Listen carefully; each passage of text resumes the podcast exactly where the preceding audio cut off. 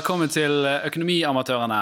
En eh, økonomipodkast med alt eh, omliggende fjas rundt det.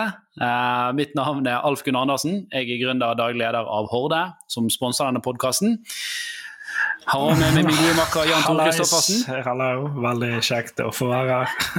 det sier, det sier jeg hver gang. Jeg sier det i hver episode. Ja, ja. Det, Jeg sier akkurat samme episode, men det er noe sånn vi Ja, det introduserer. I dag skal vi snakke om et uh, veldig spennende tema som flere har spurt om vi kan komme innom, og det er da krypto. valuta. Og kryptovaluta. Er det to Ja. forskjellige ting? Krypto og kryptovaluta? Ja, nei, ja, kanskje. Kanskje. Men vi har i hvert fall med oss en ekspert som kan, uh, som kan svare på det i dag. Ja. Og det er da uh, Torbjørn Bull Jensen. Hei, Hei, hei, Torbjørn. Veldig hyggelig at du kunne være med. veldig hyggelig å få være med. Ja. Så vi kan jo kanskje begynne med Kanskje du forteller litt, Torbjørn, om, om hvem du er og, og din bakgrunn? Ja, så jeg, jeg er vel kanskje ikke en økonomiamatør. Altså, jeg har en master i samfunnsøkonomi. Eh, og hadde en veldig fascinasjon for spørsmålet hva er penger, eh, mens jeg holdt på med den masteren. Og så oppdaget jeg plutselig dette rare greiene som het bitcoin. Dette var da i 2013. En bitcoin kostet 60 dollar. Eh, En venn sa at dette måtte jeg kjøpe, det gjorde jeg selvfølgelig ikke. Jeg tenkte at dette her var pyramidespill og tøys. Eh, Men jeg ble jo veldig nysgjerrig, da. så jeg endte jo opp med å skrive masteroppgaven min om bitcoin da i 2014. eh, Og bruke de ulike sånn eh, økonomifaglige retningene til å prøve å skjønne hva er egentlig dette her. Og jeg oppdaget at dette var mye mer spennende og mye mer revolusjonerende enn det jeg kunne sett for meg.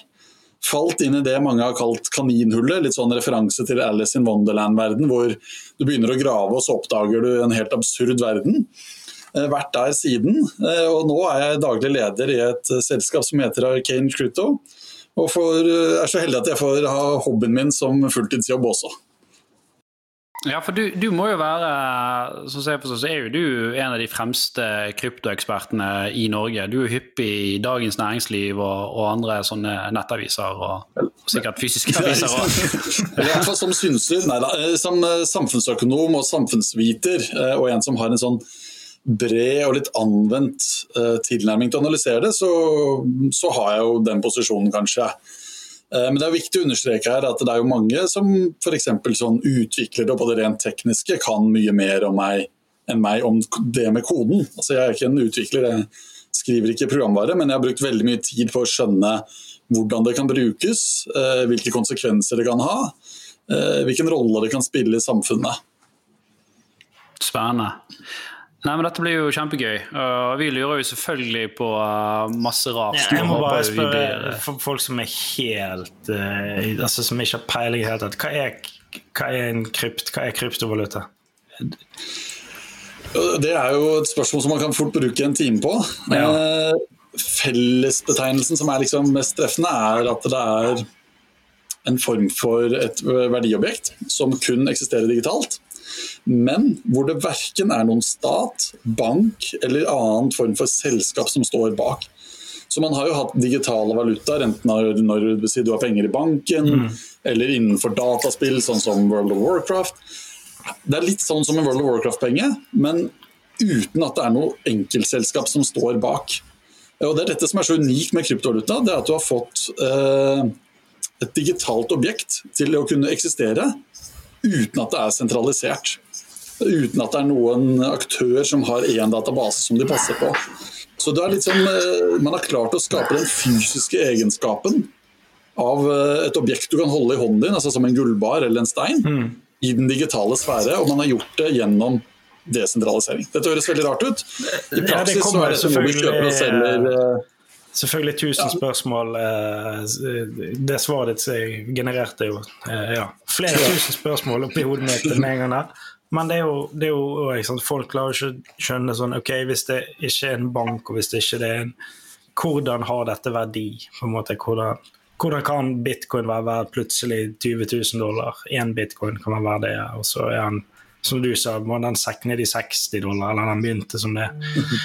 For det, altså så Det som er viktig, er at her går du gjennom ulike faser. Og spørsmålet hvordan kan dette ha verdi, akkurat hva er det, akkurat hvordan det fungerer, er et spørsmål folk er litt i ferd med å slutte å stille. Ah, okay. Vi stiller ikke de spørsmålene når vi kjører en bil, vi stiller ikke det spørsmålet når vi bruker internett eller en app. Hvordan, hvordan har det seg at min eh, stemme kommer til dere og kan tas opp? Det spør ikke om vi tar det litt for gitt. Og vi er litt på vei mot det for kryptovaluta. Vanlige personer de går på en nettside, sånn som når de skal kjøpe og selge aksjer, så går de bare på en annen tjenesteleverandør. Mm. Og Så fyller de inn, og så kjøper de, og så ser de hva kursen har vært. Og så gjør de seg opp en gjetning om de tror den skal opp eller ned, og tar en finansiell posisjon tilsvarende. Sånn er det for veldig mange. Um, hvis man skulle gravd i det, så kommer jo verdien rett og slett fra at folk ønsker å eie det, og at det finnes en knapphet. Du kan ikke, hvis du tar bitcoin, lage flere bitcoin selv, uh, som gjør at uh, på samme måte som et kunstverk uh, kan få verdi, så får kunne, bitcoin verdi jeg trodde du kunne utvinne bitcoin jeg, med sånn mining og sånn. Så det skapes nye bitcoin, men det kan aldri Det er en forhåndsbestemt rate de nye bitcoinene skapes etter. 18 millioner bitcoin har blitt skapt. Det kan aldri bli skapt mer enn 21 millioner. Så vi begynner å nærme oss på en måte slutten. Men ah, utstedelsesraten, okay. altså hvor mange nye bitcoin som mines og kan mines, den halveres hvert fjerde år. I mai i år så gikk det fra å bli produsert 12,5 nye bitcoin hvert tiende minutt til 6,25. Så nå er det ikke Altså, tiden er forbi at det er lukrativt å drive med sånn uh, graving etter bitcoin? Til folk. Nei, så, så, mining er fortsatt en uh, industri som tjener gode penger, men det er nettopp det, en industri. Dette er noe som skjer i profesjonelle datasentre. Mm. Steder hvor du har tilgang på kraft uh, nesten helt gratis, altså hvor kraft egentlig er fanget bak flaskehalser, så det ikke har noen god alternativ anvendelse. Uh, dette er ikke noe du kan gjøre på gutterommet lenger. I starten Nei, for Før var det jo fire skjermkort, og så var du oppe og nikket. Ja, altså, jeg, hadde en, jeg, hadde en, bror med gaming-PC uh, som oppdaget bitcoin før meg. Uh, og han, han, satte liksom denne gaming-laptopen til mine, og så dro han på sommerferie. Og jeg syns den bråkte noe helt infernalsk, for den ble jo varm. Ja. Så jeg bare skrudde det av. Så er jo, det er fortsatt litt bitterhet, for det er ganske mye det Jeg vet ikke hvor mange millioner kroner han hadde hatt hvis den hadde fått lov til å mine gjennom sommeren. Da han kom tilbake etter sommeren, så var det for seint. Da var mining blitt for profesjonalisert for en gaming-PC til å kunne holde fritt. Eh, men, men ja. Så ikke bare ikke investerte, jeg ødela også for min eh, bror som mina. Det, det, er jo ikke et fysisk objekt, som du sier. og um, Alternativbruken uh, til det er jo ikke høy, så da er det jo mer sånn tilbud og etterspørsel og den tilliten man har til at den verdien holder seg. da. Så Hvordan vet man liksom at dette ikke bare er uh, en, en, uh, det, en, boble? Mm. Så det er bare tilbud og etterspørsel her.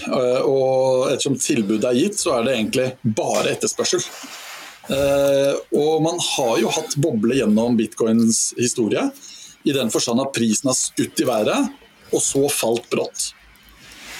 Men hvis man, på, hvis man, zoomer ut og ser over det på lengre tid, så har prisen etter fallet landet mye høyere eh, enn der den startet før eh, oppgangen.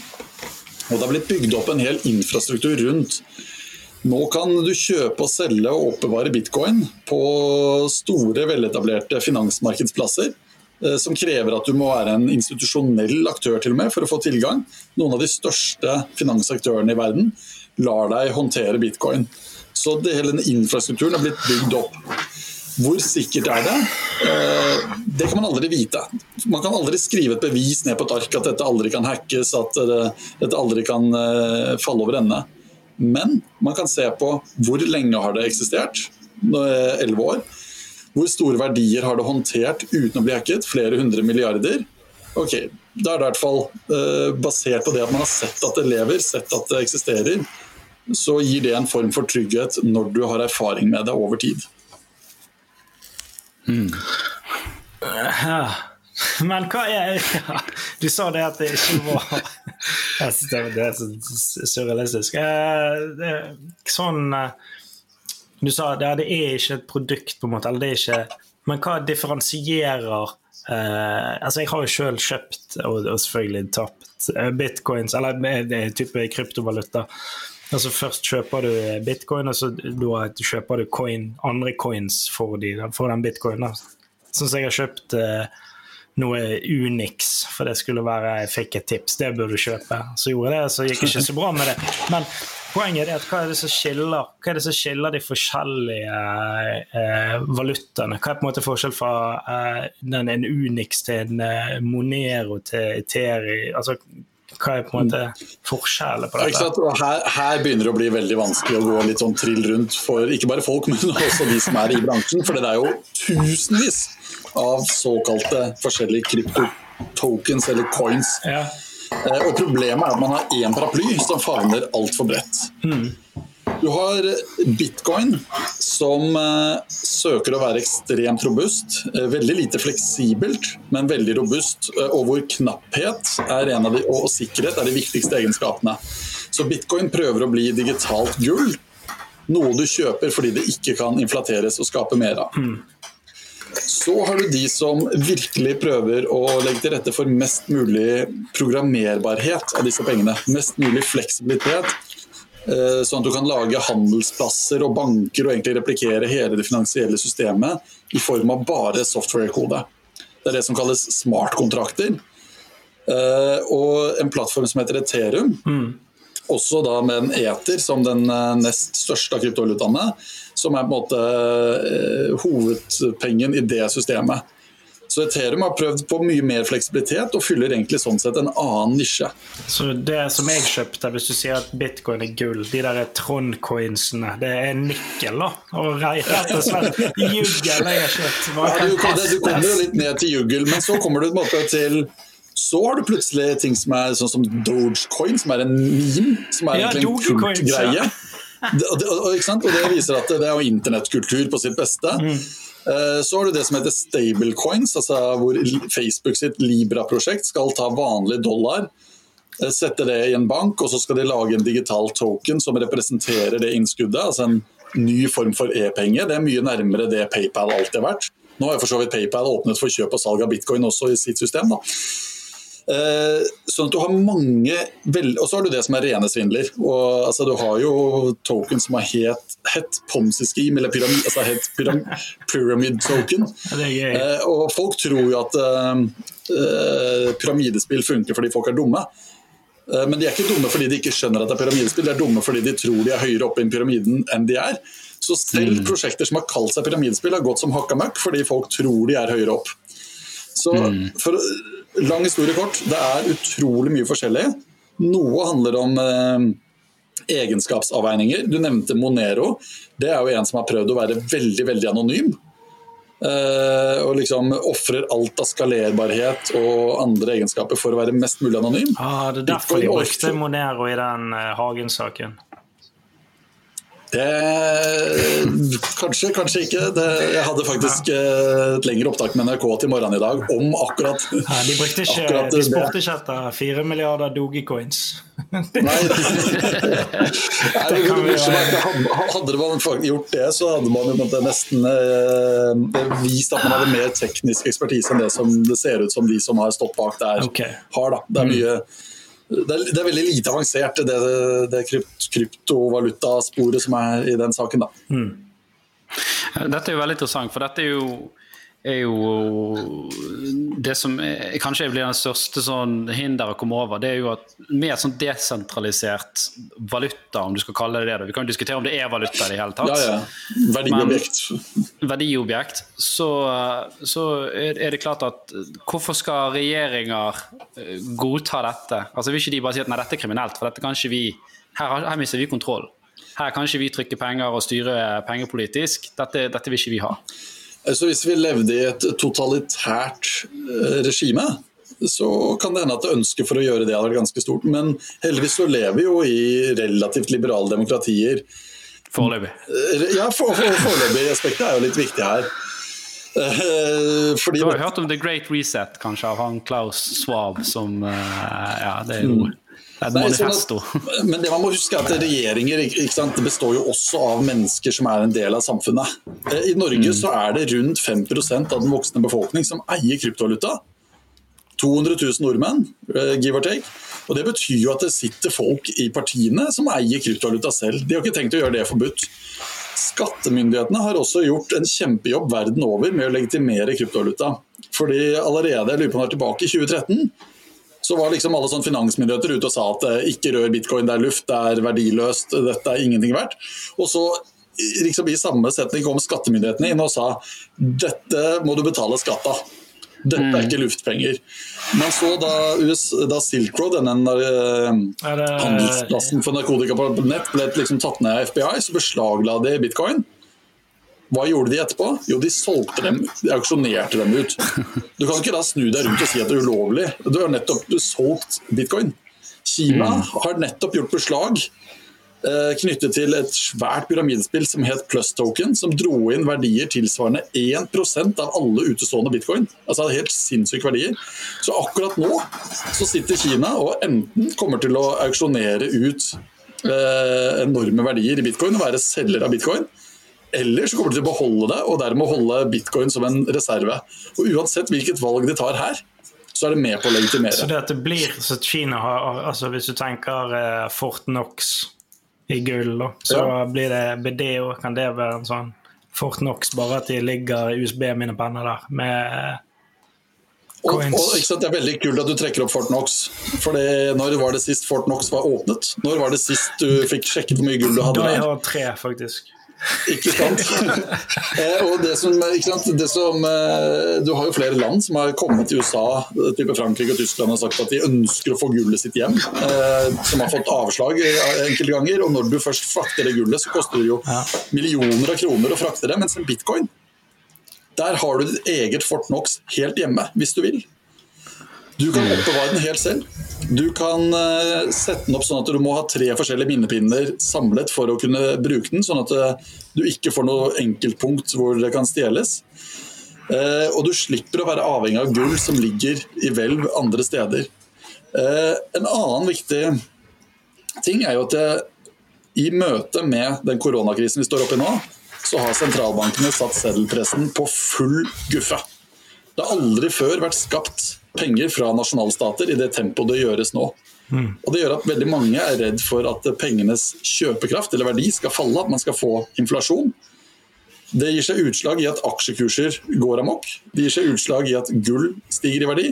Men det gir seg også utslag i at veldig store og veldig anerkjente investorer plasserer betydelige beløp i bitcoin, som det finnes en gitt mengde av, som en hedge eller sikring mot uh, at pengenes verdi skal forvitre når seddelpressen går varm. Nå er jo det sånn at Du har jo eh, nasjonal gjeld som er flere ganger høyere enn nasjonale produkter i hele verden. Um, mm. Så mange av disse regjeringene vil jo ha inflasjon, for det gjør jo at gjeld yes, blir lettere å betale yes. tilbake. Um, så, altså det, det, er jo flere insentiver da, for at man ønsker å få frem en inflasjon. Man har jo prøvd på dette i Europa nå de siste ti årene etter finanskrisen uten å lykkes med det. da. Ja, for, for de som har gjeld, har jo lyst til å inflatere den vekk. Men de som har penger, eller lønn som, som, ikke går opp, de, de, de syns jo ikke det er så kult at kjøpekraften forvitrer. Og her er det på en måte bare hva folk velger, ikke hva som er nødvendigvis bra eller dårlig. Mm. Men hvorfor skal eh, Jan Tore f.eks. Eh, kjøpe bitcoins istedenfor å kjøpe eiendom? ja, så det, det, det, viktigste er at det er jo, bør ikke være enten-eller. Eh, du bør aldri ha alle eggene i en kurv, så du bør ikke ha 100% av verdiene dine i bitcoin eller 100% i mm. eiendom. Et veldig lurt tips, tips er å kjøpe litt bitcoin hvis man ikke har gjort det, ja, det før. Gjort. Og det, jeg ser, jeg, det som er nå har jeg jo den der Uni, Unicoin som jeg har kjøpt, ja. som, som, da ble lansert for uh, ikke så lenge siden. Og som sagt så fikk jeg et tips om å, om å, om å kjøpe det. Da. Og jeg kjøpte vel den når den var på topp, at den akkurat hadde peaket da. Så nå er jo den halvert. Uh, men jeg må jo Jeg holder jo på den ennå. Uh, ja. Så det er jo på en måte hva skal jeg si jeg, jeg, Nå er jeg ikke inne så ofte og sjekker, men jeg føler jo ikke at eh, det er vel folk som driver og flipper coins og sånn òg eh, daglig, ikke det? Jo, det, er, det, er, masse som sitter og trader ut og inn og skal prøve å gjette på hva som går. Ja.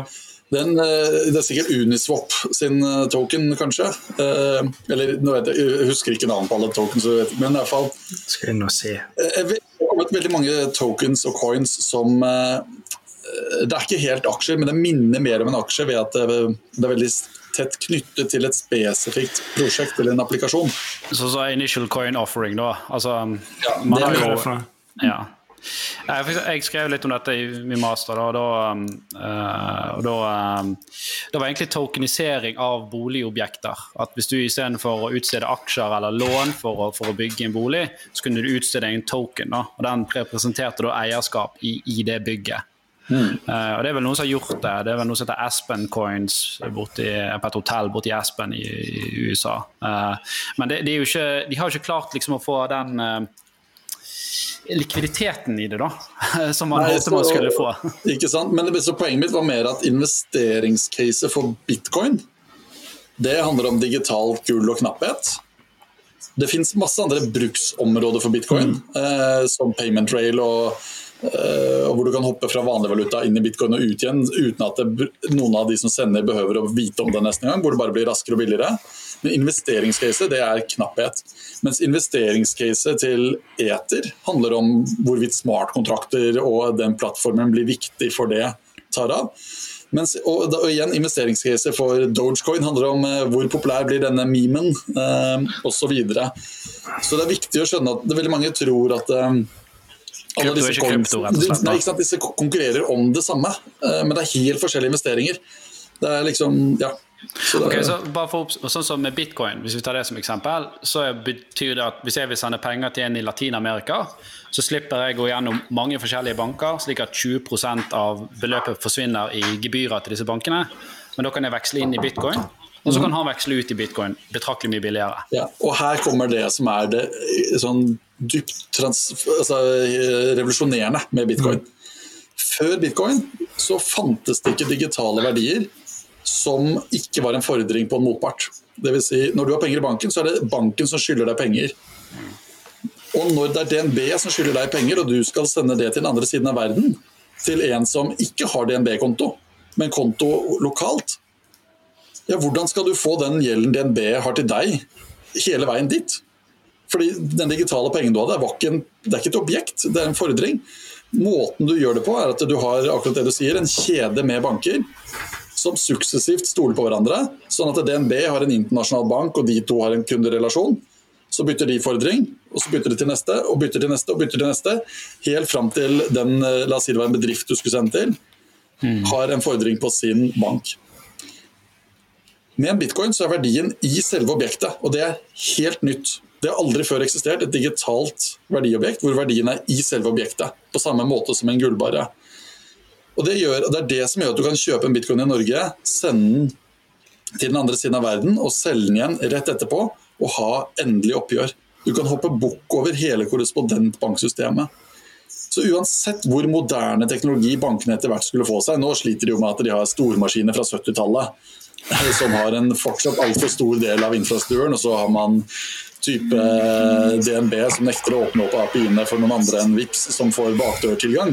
Men selv Oh, om alle de tekniske problemene var luket ut, så har du fortsatt det at når noe er en fordring, så er det også knyttet til eh, det juridiske rammeverket der du er. Og når du da skal sende en fordringspenge på tvers av jurisdiksjoner, altså hoppe over til et annet sted hvor liksom det ikke er noe utøvende myndighet fra der du er som er det samme, det er iboende ekstremt krevende. Og det løser man med å gå via bitcoin som en verdi bærer. Ja. Så altså, det, det er liksom alternativbruken til bitcoin er da å flytte penger rundt omkring i verden billigere og forhåpentligvis raskere. Ja, så det er payment-bruken. Knappheten er eh, liksom eh, sikringen mot inflasjon og pengeforvitring. Eh, og så I tillegg så har du det at eh, dette er jo et objekt som er tradet 24-7, så du kan alltid selge det. Og Det gjør det perfekt egnet som et sikringsobjekt. Du har nå aktører som gir deg lån i dollar med sikkerhet i bitcoin. Og Det er helt uten kredittrisiko for han som gir deg lånet. Fordi hvis verdien på de bitcoinene du har stående, begynner å nærme seg verdien på lånet ditt, så kan de alltid selge det. Sånn, at, eh, sånn at du har det som kalles over-collateralized, altså verdien yeah. på sikringen din er større enn lånet du tar ut. Men det betyr også at du kan ta ut en finansiell eksponering i en aksjeindeks. Og du har nå plattformer som lar deg kjøpe og selge gullderivater, oljederivater, eh, aksjeindekser med opptil 50 ganger giring. Dette er livsfarlig for, for vanlige forbrukere. Men hvor bitcoin er sikringsobjektet. Og det er mulig fordi uansett om det er julaften, eh, eller om det er en eh, søndag eller om det er midt på natten, så kan den alltid selges. Valutamarkedet er jo stengt hver helg. Det er jo ikke noen norske kroner eurokurs i helgen. De bare gjetter på hvordan det skal bli på mandag. Mm. Dette er det som er CFD, Jan Tore, som du spurte om før, eh, Ja, det, eh, før podkasten. ja. E-Toro, så, så de, det er sånn CFD-plattform. Kontrakt for forskjell. Eh, ok, men vi går kanskje litt Ja, det dypt syns jeg jo. i, Syns det var litt dumt. jeg Nå fikk, forsvant det. det falt litt av uh, hjernen min prøvde å følge med, da. Men det var, var tungt. Um, men, eh, og jeg bare sånn Oi, jeg bare så mye jeg ikke vet. Uh, men uh, Poenget er vel kanskje at universet er større enn det vi tror, da, og- at hver kryptovaluta har forskjellige bruksområder enn det vi kanskje tror de har. Sånn som bitcoin er det med å flytte penger, Ethereum er jo disse smartkontraktene. Vi kan gjerne forklare, eller forklare gjerne hva en smartkontrakt er. Hva er liksom fordelen med en smartkontrakt? Så det er egentlig bare en eh, viss så-logikk eh, som eh, involverer penger. Så hvis du tenker en brusmaskin, det er en eh, veldig enkel smartkontrakt. Hvis 20 kroner kommer inn, da kommer brus ut. Eh, og så jeg var det så det fine at slo i den automaten, så fikk du gratis brus. Ja, ikke sant. Det, og det, det, det, det, er, en, det er da en smartkontrakt med, som er litt sånn svak for hacking. Da. Hvis du kan slå i den eller du kan liksom stikke armen opp. Og, den. og det er det vært mye av. Det er mange som har klart å slå i brusautomaten eh, på Ethereum eh, smartkontrakter. Eh, Så i praksis så er det det at man lager eh, programvare, altså man lager eh, skript. Som eh, man har lagd det f.eks. For, for bettingmarkeder. Vinner Trump eller Biden? Men i stedet for at det er en sentralisert aktør som tar alle de bettene og deler ut pengene etterpå, så er det et program som kjører på Ethereum. Så du kan tenke på Ethereum er bare en sånn er som en virtuell datamaskin, men som er replikert eh, over hele verden. Sånn, det er ingen som kan stanse én maskin et sted og få det til å stoppe. Så det er et program som kjører, og så deles pengene ut automatisk i henhold til hva som skjedde. En utfordring med nesten alle smartkontrakter, eh, og i hvert fall den typen jeg her beskrev, det er når de skal interagere med den virkelige verden. For hvem er det som har rett til å si inn til smartkontrakten? Det var Trump som eh, holdt jeg på å si vant. Det var Trump som tapte. Altså det er det som kalles orakelproblemet. Det å få fòret informasjon fra den virkelige verden inn i blokkjedeverden. Det er det egentlig ikke noe med blokkjeden som løser. Man prøver å bruke ulike insentivmekanismer, og folk skal være tjent med å være ærlige, og man skal ta svaret fra mange aktører og ta gjennomsnittet osv. Men det er et iboende problem. Og dette problemet er også til stede for alle disse andre blokkjedebrukscasene man kan høre om, om det er sporing av varer og etisk opphav og miljø. Det er den overgangen hvor du skal ta informasjon fra virkelig verden inn i kryptoverden. Hvem er det som kan gjøre det? Hvis du da tar bitcoin som verdiobjekt derimot, og Ethereum også etisk som verdiobjekt, så fins ikke de utenfor. Og Derfor kan systemet holde deg 100% sikker på egen hånd, for det er ikke noe som er tatt inn fra utsiden. Okay. Kan jeg prøve å forklare? Jeg forklare. jeg Jeg si det i en setning? Nei, da, det går jeg- ikke. jeg- jeg- jeg Jeg skjønner det er så sinnssykt at det er bare sånn Ja, men la, meg, prøve å komme et enkelt eksempel. La oss si at du, du, du, skal, du skal bestille noe fra en fyr i Frankrike. Du syns det er litt shady å sende penger til Ja. han før du har fått Typisk varen, og han syns jeg franske. er sende, va- varen til deg før han har fått penger. Ja, eller på Finn. Sant. Det skjer på ofte sånn. Ja, ja, og ja, ja sant? Og Istedenfor da at, eh, at dere, en av dere gjør en sånn type hvem sender først, så skriver dere da en kontrakt til dette. Og når den varen da blir sendt og registrert at den er gått gjennom tollen eller posten, så er det triggeren som sier ok, her er varen levert, da utbetales pengene. på en måte. Sier at Og det du, viktige er at eh, du har låst opp pengene på forhånd. ja, Så du kan ikke stanse det hvis den tollbeskjeden som sier nå er varen kommet gjennom tollen, da kan ikke du stanse det, og det kan han som sendte varen se på forhånd. Ja, sant? så da, da har man liksom inngått en kontrakt der det er én faktor som utløser kontrakten, og ingen kan påvirke, påvirke kontrakten i ettertid. Ingen kan trekke seg fra den. Ok, jeg skjønner. Var det forståelig? Mer, eh, ja, mer forståelig. Og, og, her kommer jo også mye av svakheten. Fordi Svakheten til hva? Eh, det er jo veldig mange ting som er vanskelig å skrive presise kontrakter for. Du trenger ofte tolkning. Ja, sant? Hva som ble, du, du, vet ikke om det som ble solgt ja, du vet ikke om det som ble solgt gjennom tollen, var faktisk den varen i den kvaliteten, f.eks. Sant? Det kan jo være en svakhet med en kontrakt.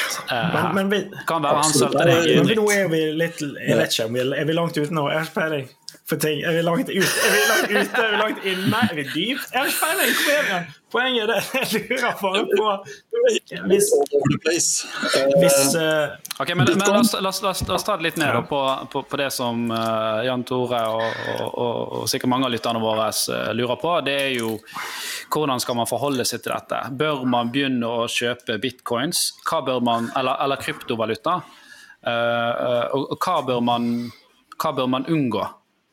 Ja, så man bør eh, aldri kjøpe kryptovaluta fordi noen har lovt at hvis du sender bitcoin et eller annet sted, så får du en kjempehøy avkastning, og det er helt sikkert.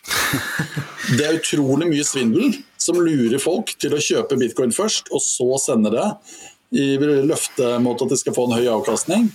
Det fins steder hvor du kan tjene rente på bitcoin som er ganske høye, men eh, du må virkelig vite hva du driver med. Jeg opplever eh, i snitt kanskje en gang i måneden at folk ringer meg eh, og er i ferd med å bli lurt av sånne schemes. Eh, eller har blitt lurt. Men hva schemes er det? Eh, at de sender penger, så skal de få eh, bitcoin i return, er det det?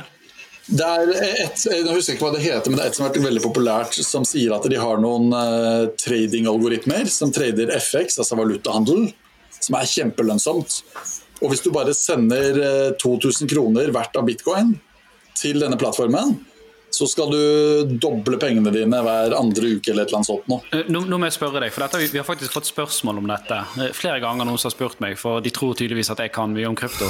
Eller, yeah. vi, vi, vi, mener jo mye og mye rart, da. så jeg har ikke tørt å mene noe om dette. Men uh, Cash FX Group det er vel, det lurer jeg på om er kanskje det den heter. Det låt uh... Det er scam, sant. Det, jeg, jeg søkte litt på nett, for sånn som jeg leser det, så det der luktet fisk. La meg se her eh, Ja, det er den, ja. ja. Den eh, kommer stadig vekk til meg. Og ok, Dere som har sett spørsmål om det, det er, ja, hold dere unna Cash FX Group. Hold dere unna den. Ja. Men det kan jo være veldig vanskelig å navigere. Mm. For du har jo et selskap som heter BlockFi, og flere andre som gir rente på bitcoin-innskudd. Og Da er det snakk om faktisk 6% årlig rente på bitcoin. Eh, som liksom Sammenlignet med de nullrentene du får i banken, så høres jo det helt hinsidig ut, men det er da faktisk ekte. Jo, jo, men, men, hvis du tar 6 årlig mot liksom, cash Bitcoin kan jo òg falle fra 20 000 igjen ned til 2000. Sant? Og da har du jo, ja, ja, ja, ja, så dette er rente på toppen av bitcoin. Du kan jo også få det i såkalte stablecoin eller dollarverdier. Men, eh, men, men, liksom, men igjen, da, her er det 6% årlig, som er høyt forhold til banken. Men disse Cash FX Group er jo sånn 30% i uka eller måneden. Eller, altså, sånn helt men, men folk som ikke har kjøpt litt, uh, krypto før, da? Hvor de vet sånn OK, jeg har lyst til å kjøpe kryptovaluta. Hvor, hvor Hva er en god, hva er en god handelsplattform? Coinbase og Subbinance. Er det, det er det jeg har brukt. Jeg vet ikke om det er riktig. Eller om det er ja, så dette, nå har du, altså, du Jeg syns det er litt sånn vanskelig å anbefale plattformer, for det er litt sånn lurt å undersøke litt mm. selv. For det er ulike trade-offs her igjen. Eh, avhengig av hvor teknisk avansert man er. Eh, avhengig av om man skal kjøpe og selge ofte, eller bare kjøpe én gang og holde lenge. Om man ønsker å holde midlene på plattformen, eller ta de ut og oppbevare de i en egen wallet. Og dette vil være forskjellig fra person til person. Vi har flere vekslingsplattformer i Norge eh, hvor du kan gjøre en norsk bankoverføring. F.eks. Kaupan Krypto, Mirai X, NBX. Eh, og Du har også som nordmann tilgang til å handle på flere av de store internasjonale, sånn som Kraken, Coinbase eh, og Bitstamp. Mm. Det som kan være greit, er jo Og i tillegg, hvis du kun er interessert i den finansielle eksponeringen og ikke skal trade ut i helgen f.eks., så kan du gå på Nordnett og kjøpe en tracker, altså et eh, produkt som tracker der. Så det viktige er at man må finne ut av for hvor mye er det man skal kjøpe, og hva er formålet. Er dette en investering finansielt? Eller gjør man det fordi man har lyst til å ta og føle på det og lære det? Altså Er det en investering i kunnskap å bruke det? Jeg, Eh, og Avhengig av det så vil jo det gi ulike svar. jeg, jeg kjøpte jo noen hundre kroner i bitcoin her for noen år siden bare for å, for å prøve den prosessen. Og, og det var jo i hvert fall på det tidspunktet litt sånn shady. Jeg måtte ta bilde av passet mitt og sende til en fyr. og og, eh, og det, det, jeg fikk litt sånn Ja ja, det var ikke så mange kroner, da. Men jeg, tenk, jeg, jeg tenkte jo sånn her Har du mye bitcoin, så, så, da da er du litt skurk. Ja, det, og, det, og det var jo litt sånn det føltes, men det er jo overhodet ikke tilfellet lenger. Ja. Nå, er det jo, nå er det jo de pengesterke som har mest bitcoin. Mm. Altså Noen av de største, mest anerkjente makro-hedgefondforvalterne. Ja, altså, altså, Pablo Escobar var jo i tidenes en av de rikeste i verden på et tidspunkt òg. Han var jo ganske skurk. Jo, altså Det å være rik betyr ikke at du ikke er, ikke at du ikke er skurk, da. Men uh, poenget mitt er vel mer at eh, nå er det er blitt ganske stuerent. Uh, går du på noen av de norske plattformene, så har de fleste av de en bank-ID uh, som de bruker for verifisering. Uh, nå er jo faktisk bank-ID såpass usikkert, at, eh, og bankene stoler ikke ordentlig på det selv, så eh, er det noen som har svindlet og bruker bank-ID, så tar de allikevel og gjør en chargeback. sånn at det er flere plattformer som innfører tilleggsskritt, som enten passord og eller til og med eh, bilde av passet.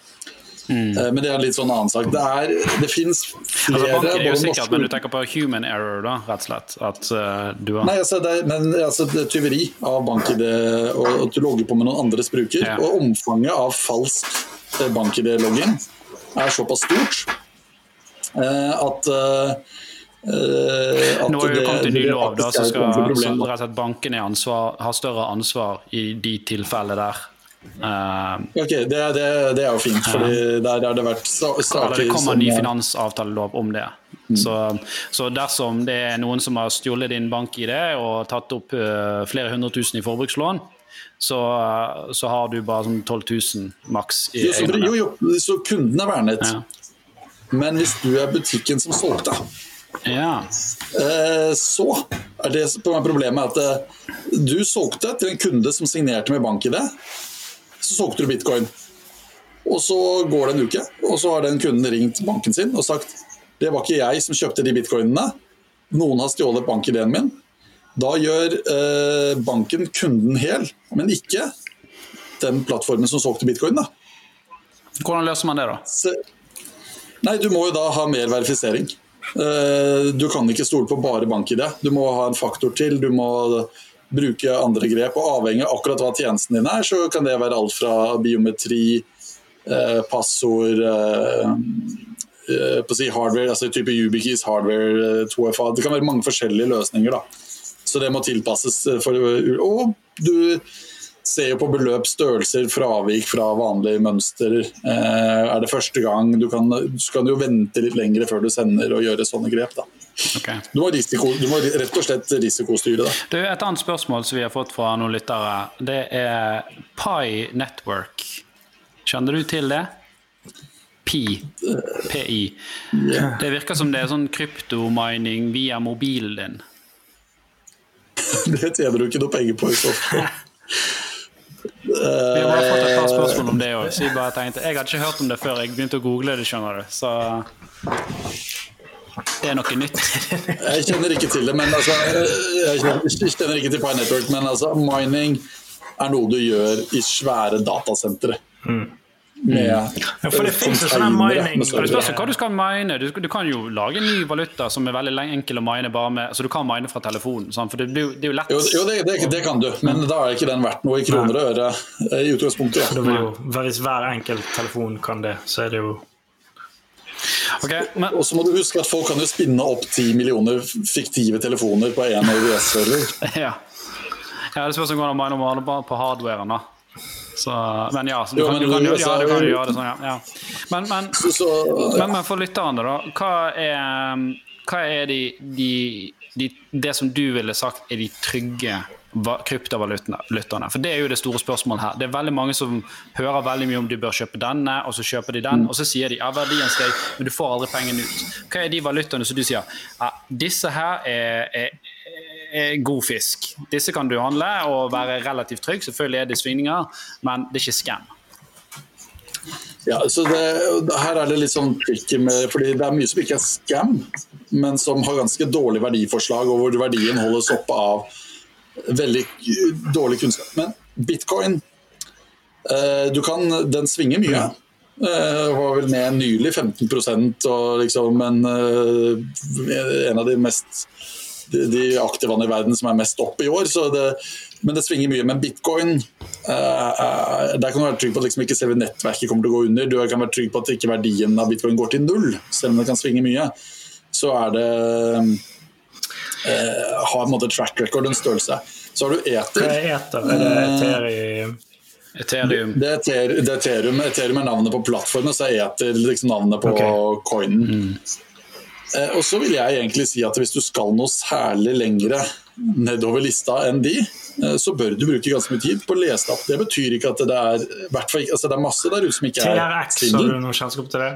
Nå bare ser jeg hva jeg Ja. Det var vel ja, ja så, men du har jo Trond, XRP, du har XRP, XRP det, Men det var, ja. er ikke en blokkjede. XRP, er en, XRP, XRP er en ekstra spennende. Mm.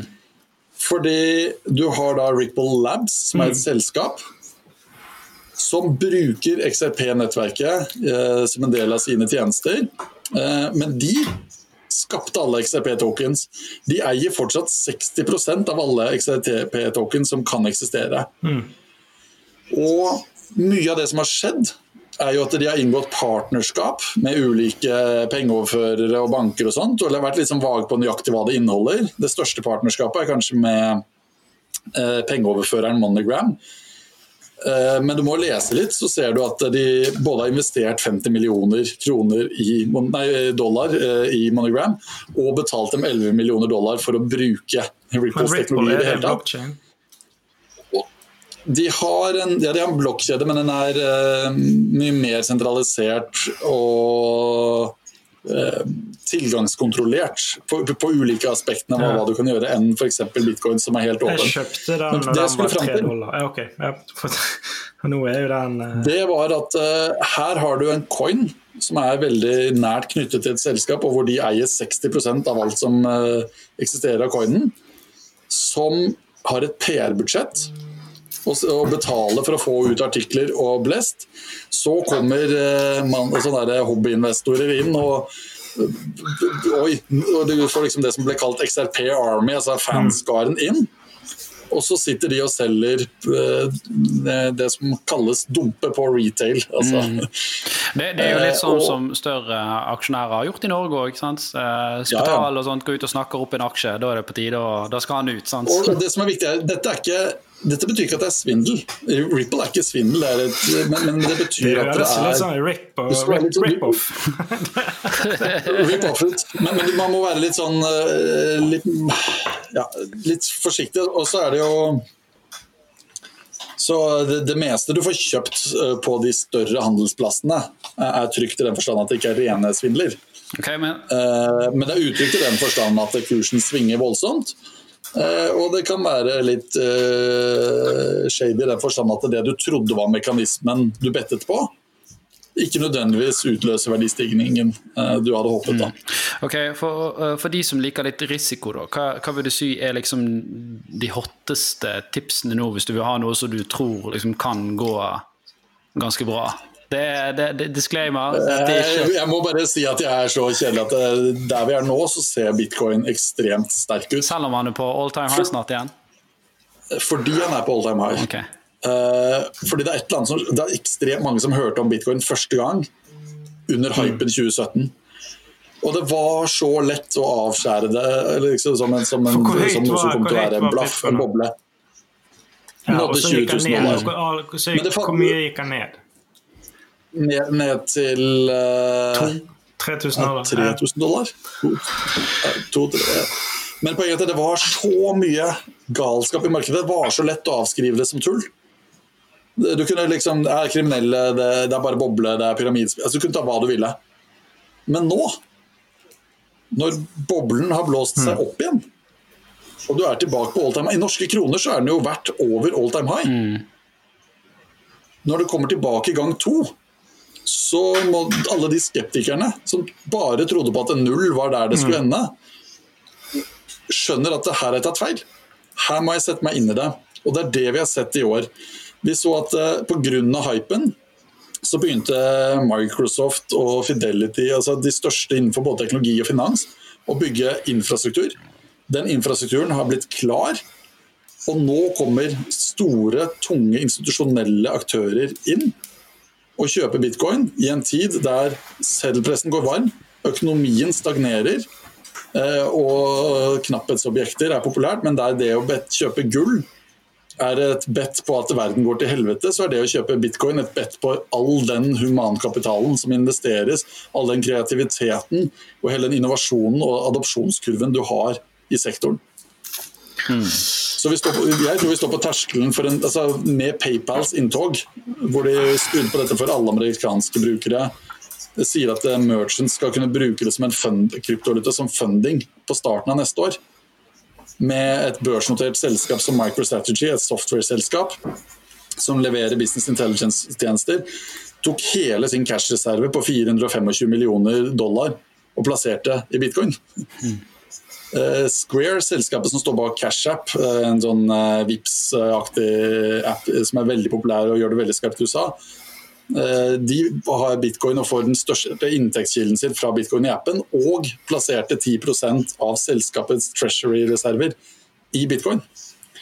Dette skiftet her, den snøballen som er satt i gang her, har fått et vanvittig momentum. Da. For elleve år siden så var det åtte sider på nedpostliste for nerder. Nå er det liksom verdens uh, største selskap innenfor uh, si, Men nå altså, han er på peak igjen, da. Hvis, men er, det er ikke sånn ja. Eller det er jo, man vet jo aldri, men kan han plutselig bare OK, plum, gå rett ned igjen til der han var for Altså når han var på low igjen. Og så snakker vi sånne swings, bølgene her. Ja, ja. ja, ja. Altså, så, hvis man tar i 20 så da jeg kom inn i bitcoin i 2013, så var det galskap. For da ruste bitcoin opp til 1000 dollar per bitcoin. Mm. Husk på det, så Jeg hadde hørt om det på 60, og de hadde jo før det vært ned på Altså, de starta jo på null. Eh, starta med 10 000 bitcoin for to Papa Johns-pizzaer. Eh, men i 2016, eh, slutten av 2016, starten av 2017, da nådde bitcoin all, den gamle all time highen tilbake på 1000 dollar og så korrigerte det 40% ned. Mm. Og gjennom 2017, året hvor vi endte på 20 000, så gikk kursen Og så fikk du dropp på type opp mot 20% Og det så ut som en, eh, det man kaller en blow-up. Altså liksom, ok, greit, nå pika det, nå er det over. Det så jo også sånn ut da den snudde. Eh, de som da til slutt trodde ja, altså, den skal alltid opp igjen. Ta den kurven som eh, Hvis du tar den kurven på det tidspunktet, og så bare zoomer du den ut, så er det, har det samme skjedd. Vil du sammenligne det? At ja. Det bare at i større skala. Det, det, det betyr, og, og, og, det betyr ikke at det vil fortsette opp alltid. Eh, det var veldig mange som trodde at det hadde knapt på toppen altså på slutten av 2017. At det er, nei, men nå skal det bare rett opp igjen og fortsette med det samme mønsteret. Og så bare nei, nå, nå blir det rangvarig ned. Mm. Poenget er mer å si at det at det har falt kraftig nå de siste to dagene eller, og, eller, at det har gått mye opp, betyr ikke at med, volatiliteten er borte. Det har litt med kanskje folk som sikrer gevinster sant, og, føler de kommer seg ut på gode tidspunkter. Du har, når du kommer opp til et sånt punkt, så har du hvis du ser på trendanalyser, da, i hvert fall innenfor aksjer, så er det et sånt typisk tak som du ofte står og stanger litt i. Men først når du kommer over det som var forrige holdt av meg, da kan du begynne å få fart eh, igjen. Ja, og, og, du får gjerne en avvisning på forrige Old time high, fordi da er folk eh, back in the green. Mm. De er liksom eh, hodet over vann. Så du får en sell-off. Men når du da kommer neste gang, så er du rista ut i. Mm. I kryptomarkedet så har du jo hatt uh, i tillegg ekstremt mye giring. Altså folk har belånte posisjoner.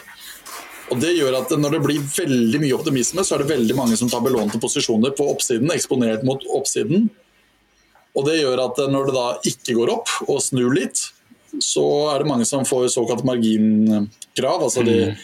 har, nok, de har ikke nok sikring for å forsvare det lånet. Posisjonen deres selges.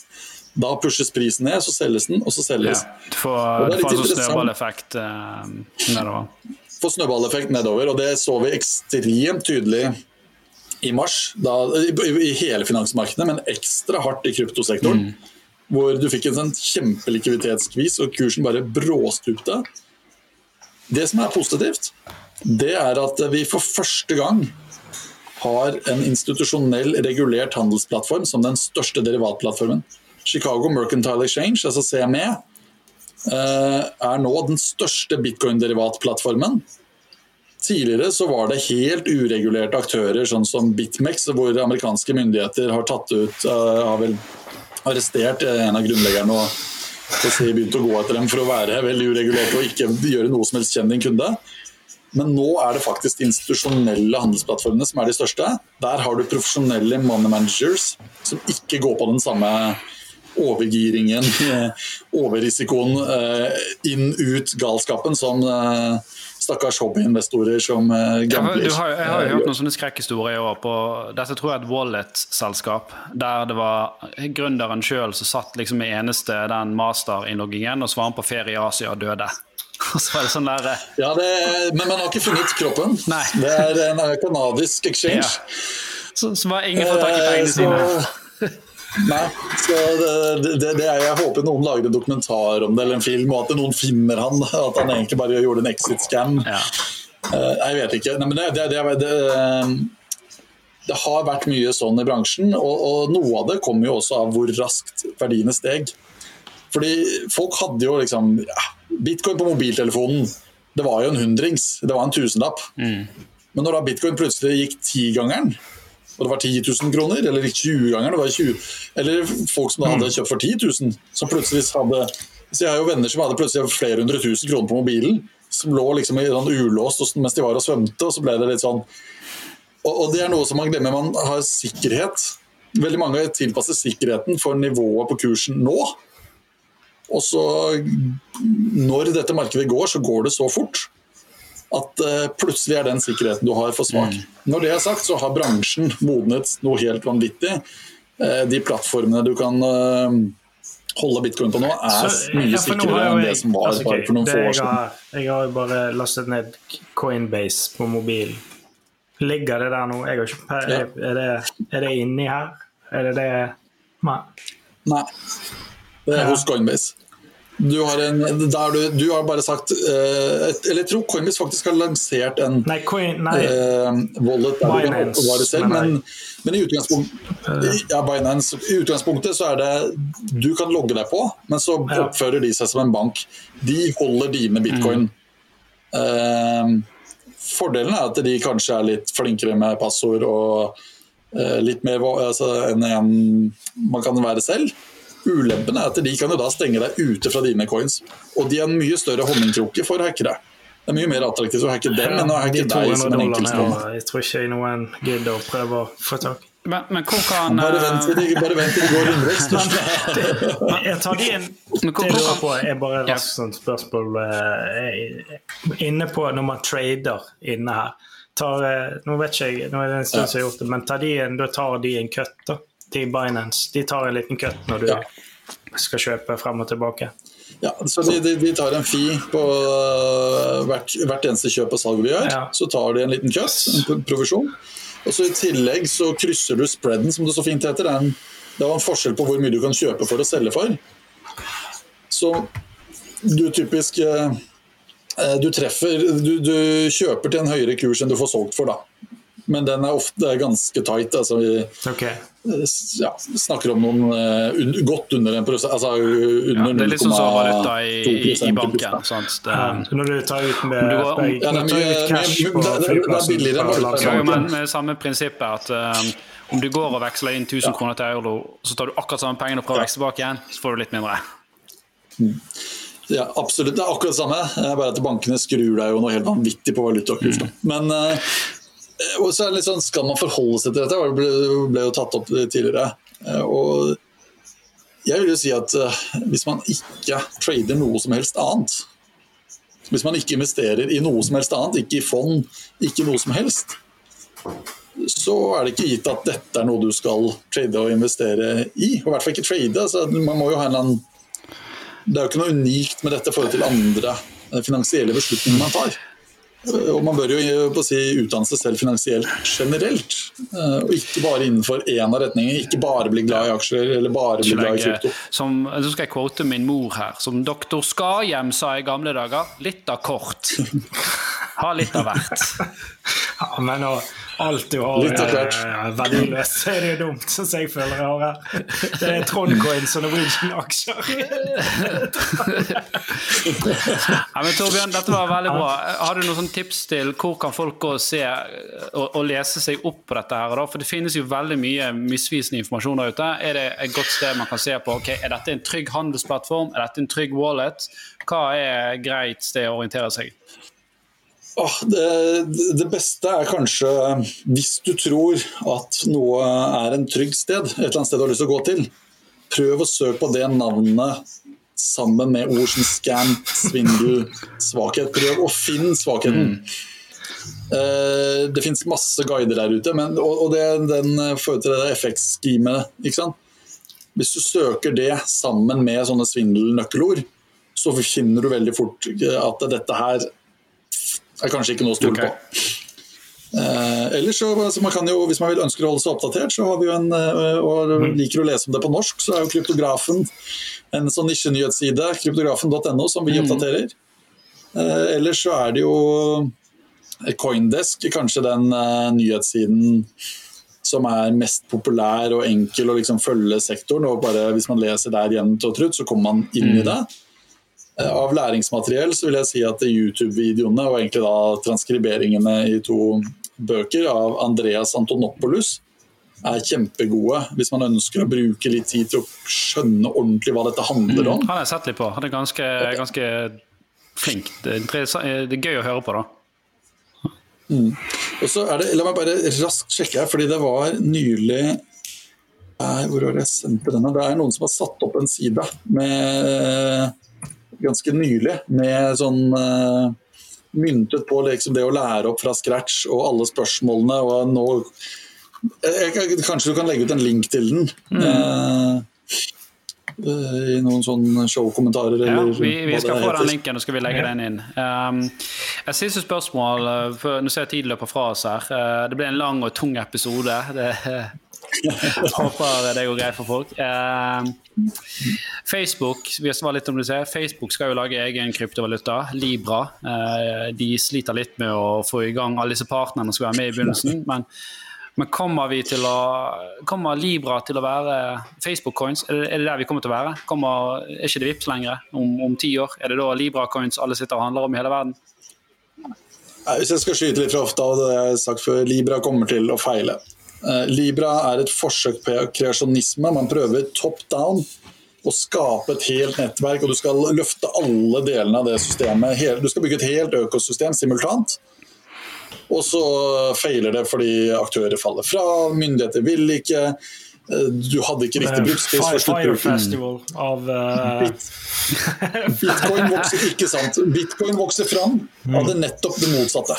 Det var ingen som sa at du skulle bruke bitcoin. Det var ingen svære backere.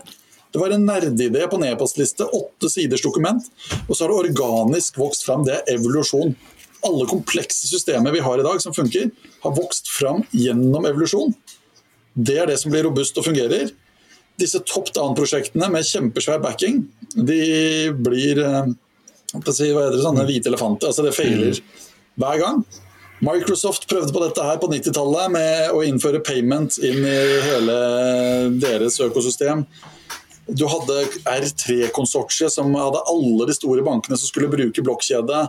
Ble ikke til noe. Eh, og Libra som nå er så vannet ned og så stusslig at det knappast kan kalles eh, en kryptovaluta om det kommer ut med det de, det de sikter på nå.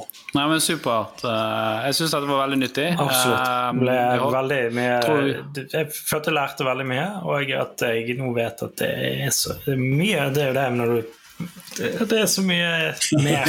Det er så mye. Jeg trodde jeg kunne ting. Ja. Peiling. Og det, det, og det er kanskje hovedtingen, da, for å ta det siste ordet. Det er eh, Når man står litt på utsiden av det, så føles det kanskje som det ikke er så mye. Men når du er oppi det, som jeg er dag ut og dag inn, så ser jeg bare det treffer overalt. Det er eh, Jeg tror jeg 20-30 masterstudenter og bachelorstudenter bare i år som har tatt kontakt med meg fordi de skal skrive oppgave om det. Og Det er folk innenfor teknologi, for juss, for uh, regnskap, uh, sosiologi. Og, det, og de er mm. toucher bare toppen av isfjellet i bitte lille Norge. Det er en sånn kjempetrekkraft på altså sånn magnet på humankapital, mm. uh, den sektoren her. så vi kommer til å få store store utviklinger framover. For det er så mye kreativitet som mm. trekkes inn. Ja, men, det, det tror jeg vi syns det var et bra siste ord. Uh, og hvis folk syns at det er veldig interessant å høre på Torbjørn, som vi mm. synes, så kan de da følge med på Kryptografen. Er det .no? .no, Der kan du signe opp på nyhetsbrev og, og høre mer på, på Torbjørn og de smarte tingene han sier. Da sier vi takk eh, til deg, Torbjørn, og takk til dere som lyttet, og takk til deg, takk, Jan Tore. Takk. Selv takk. Så sneikes vi på. Det gjør vi. ha det. Hei da.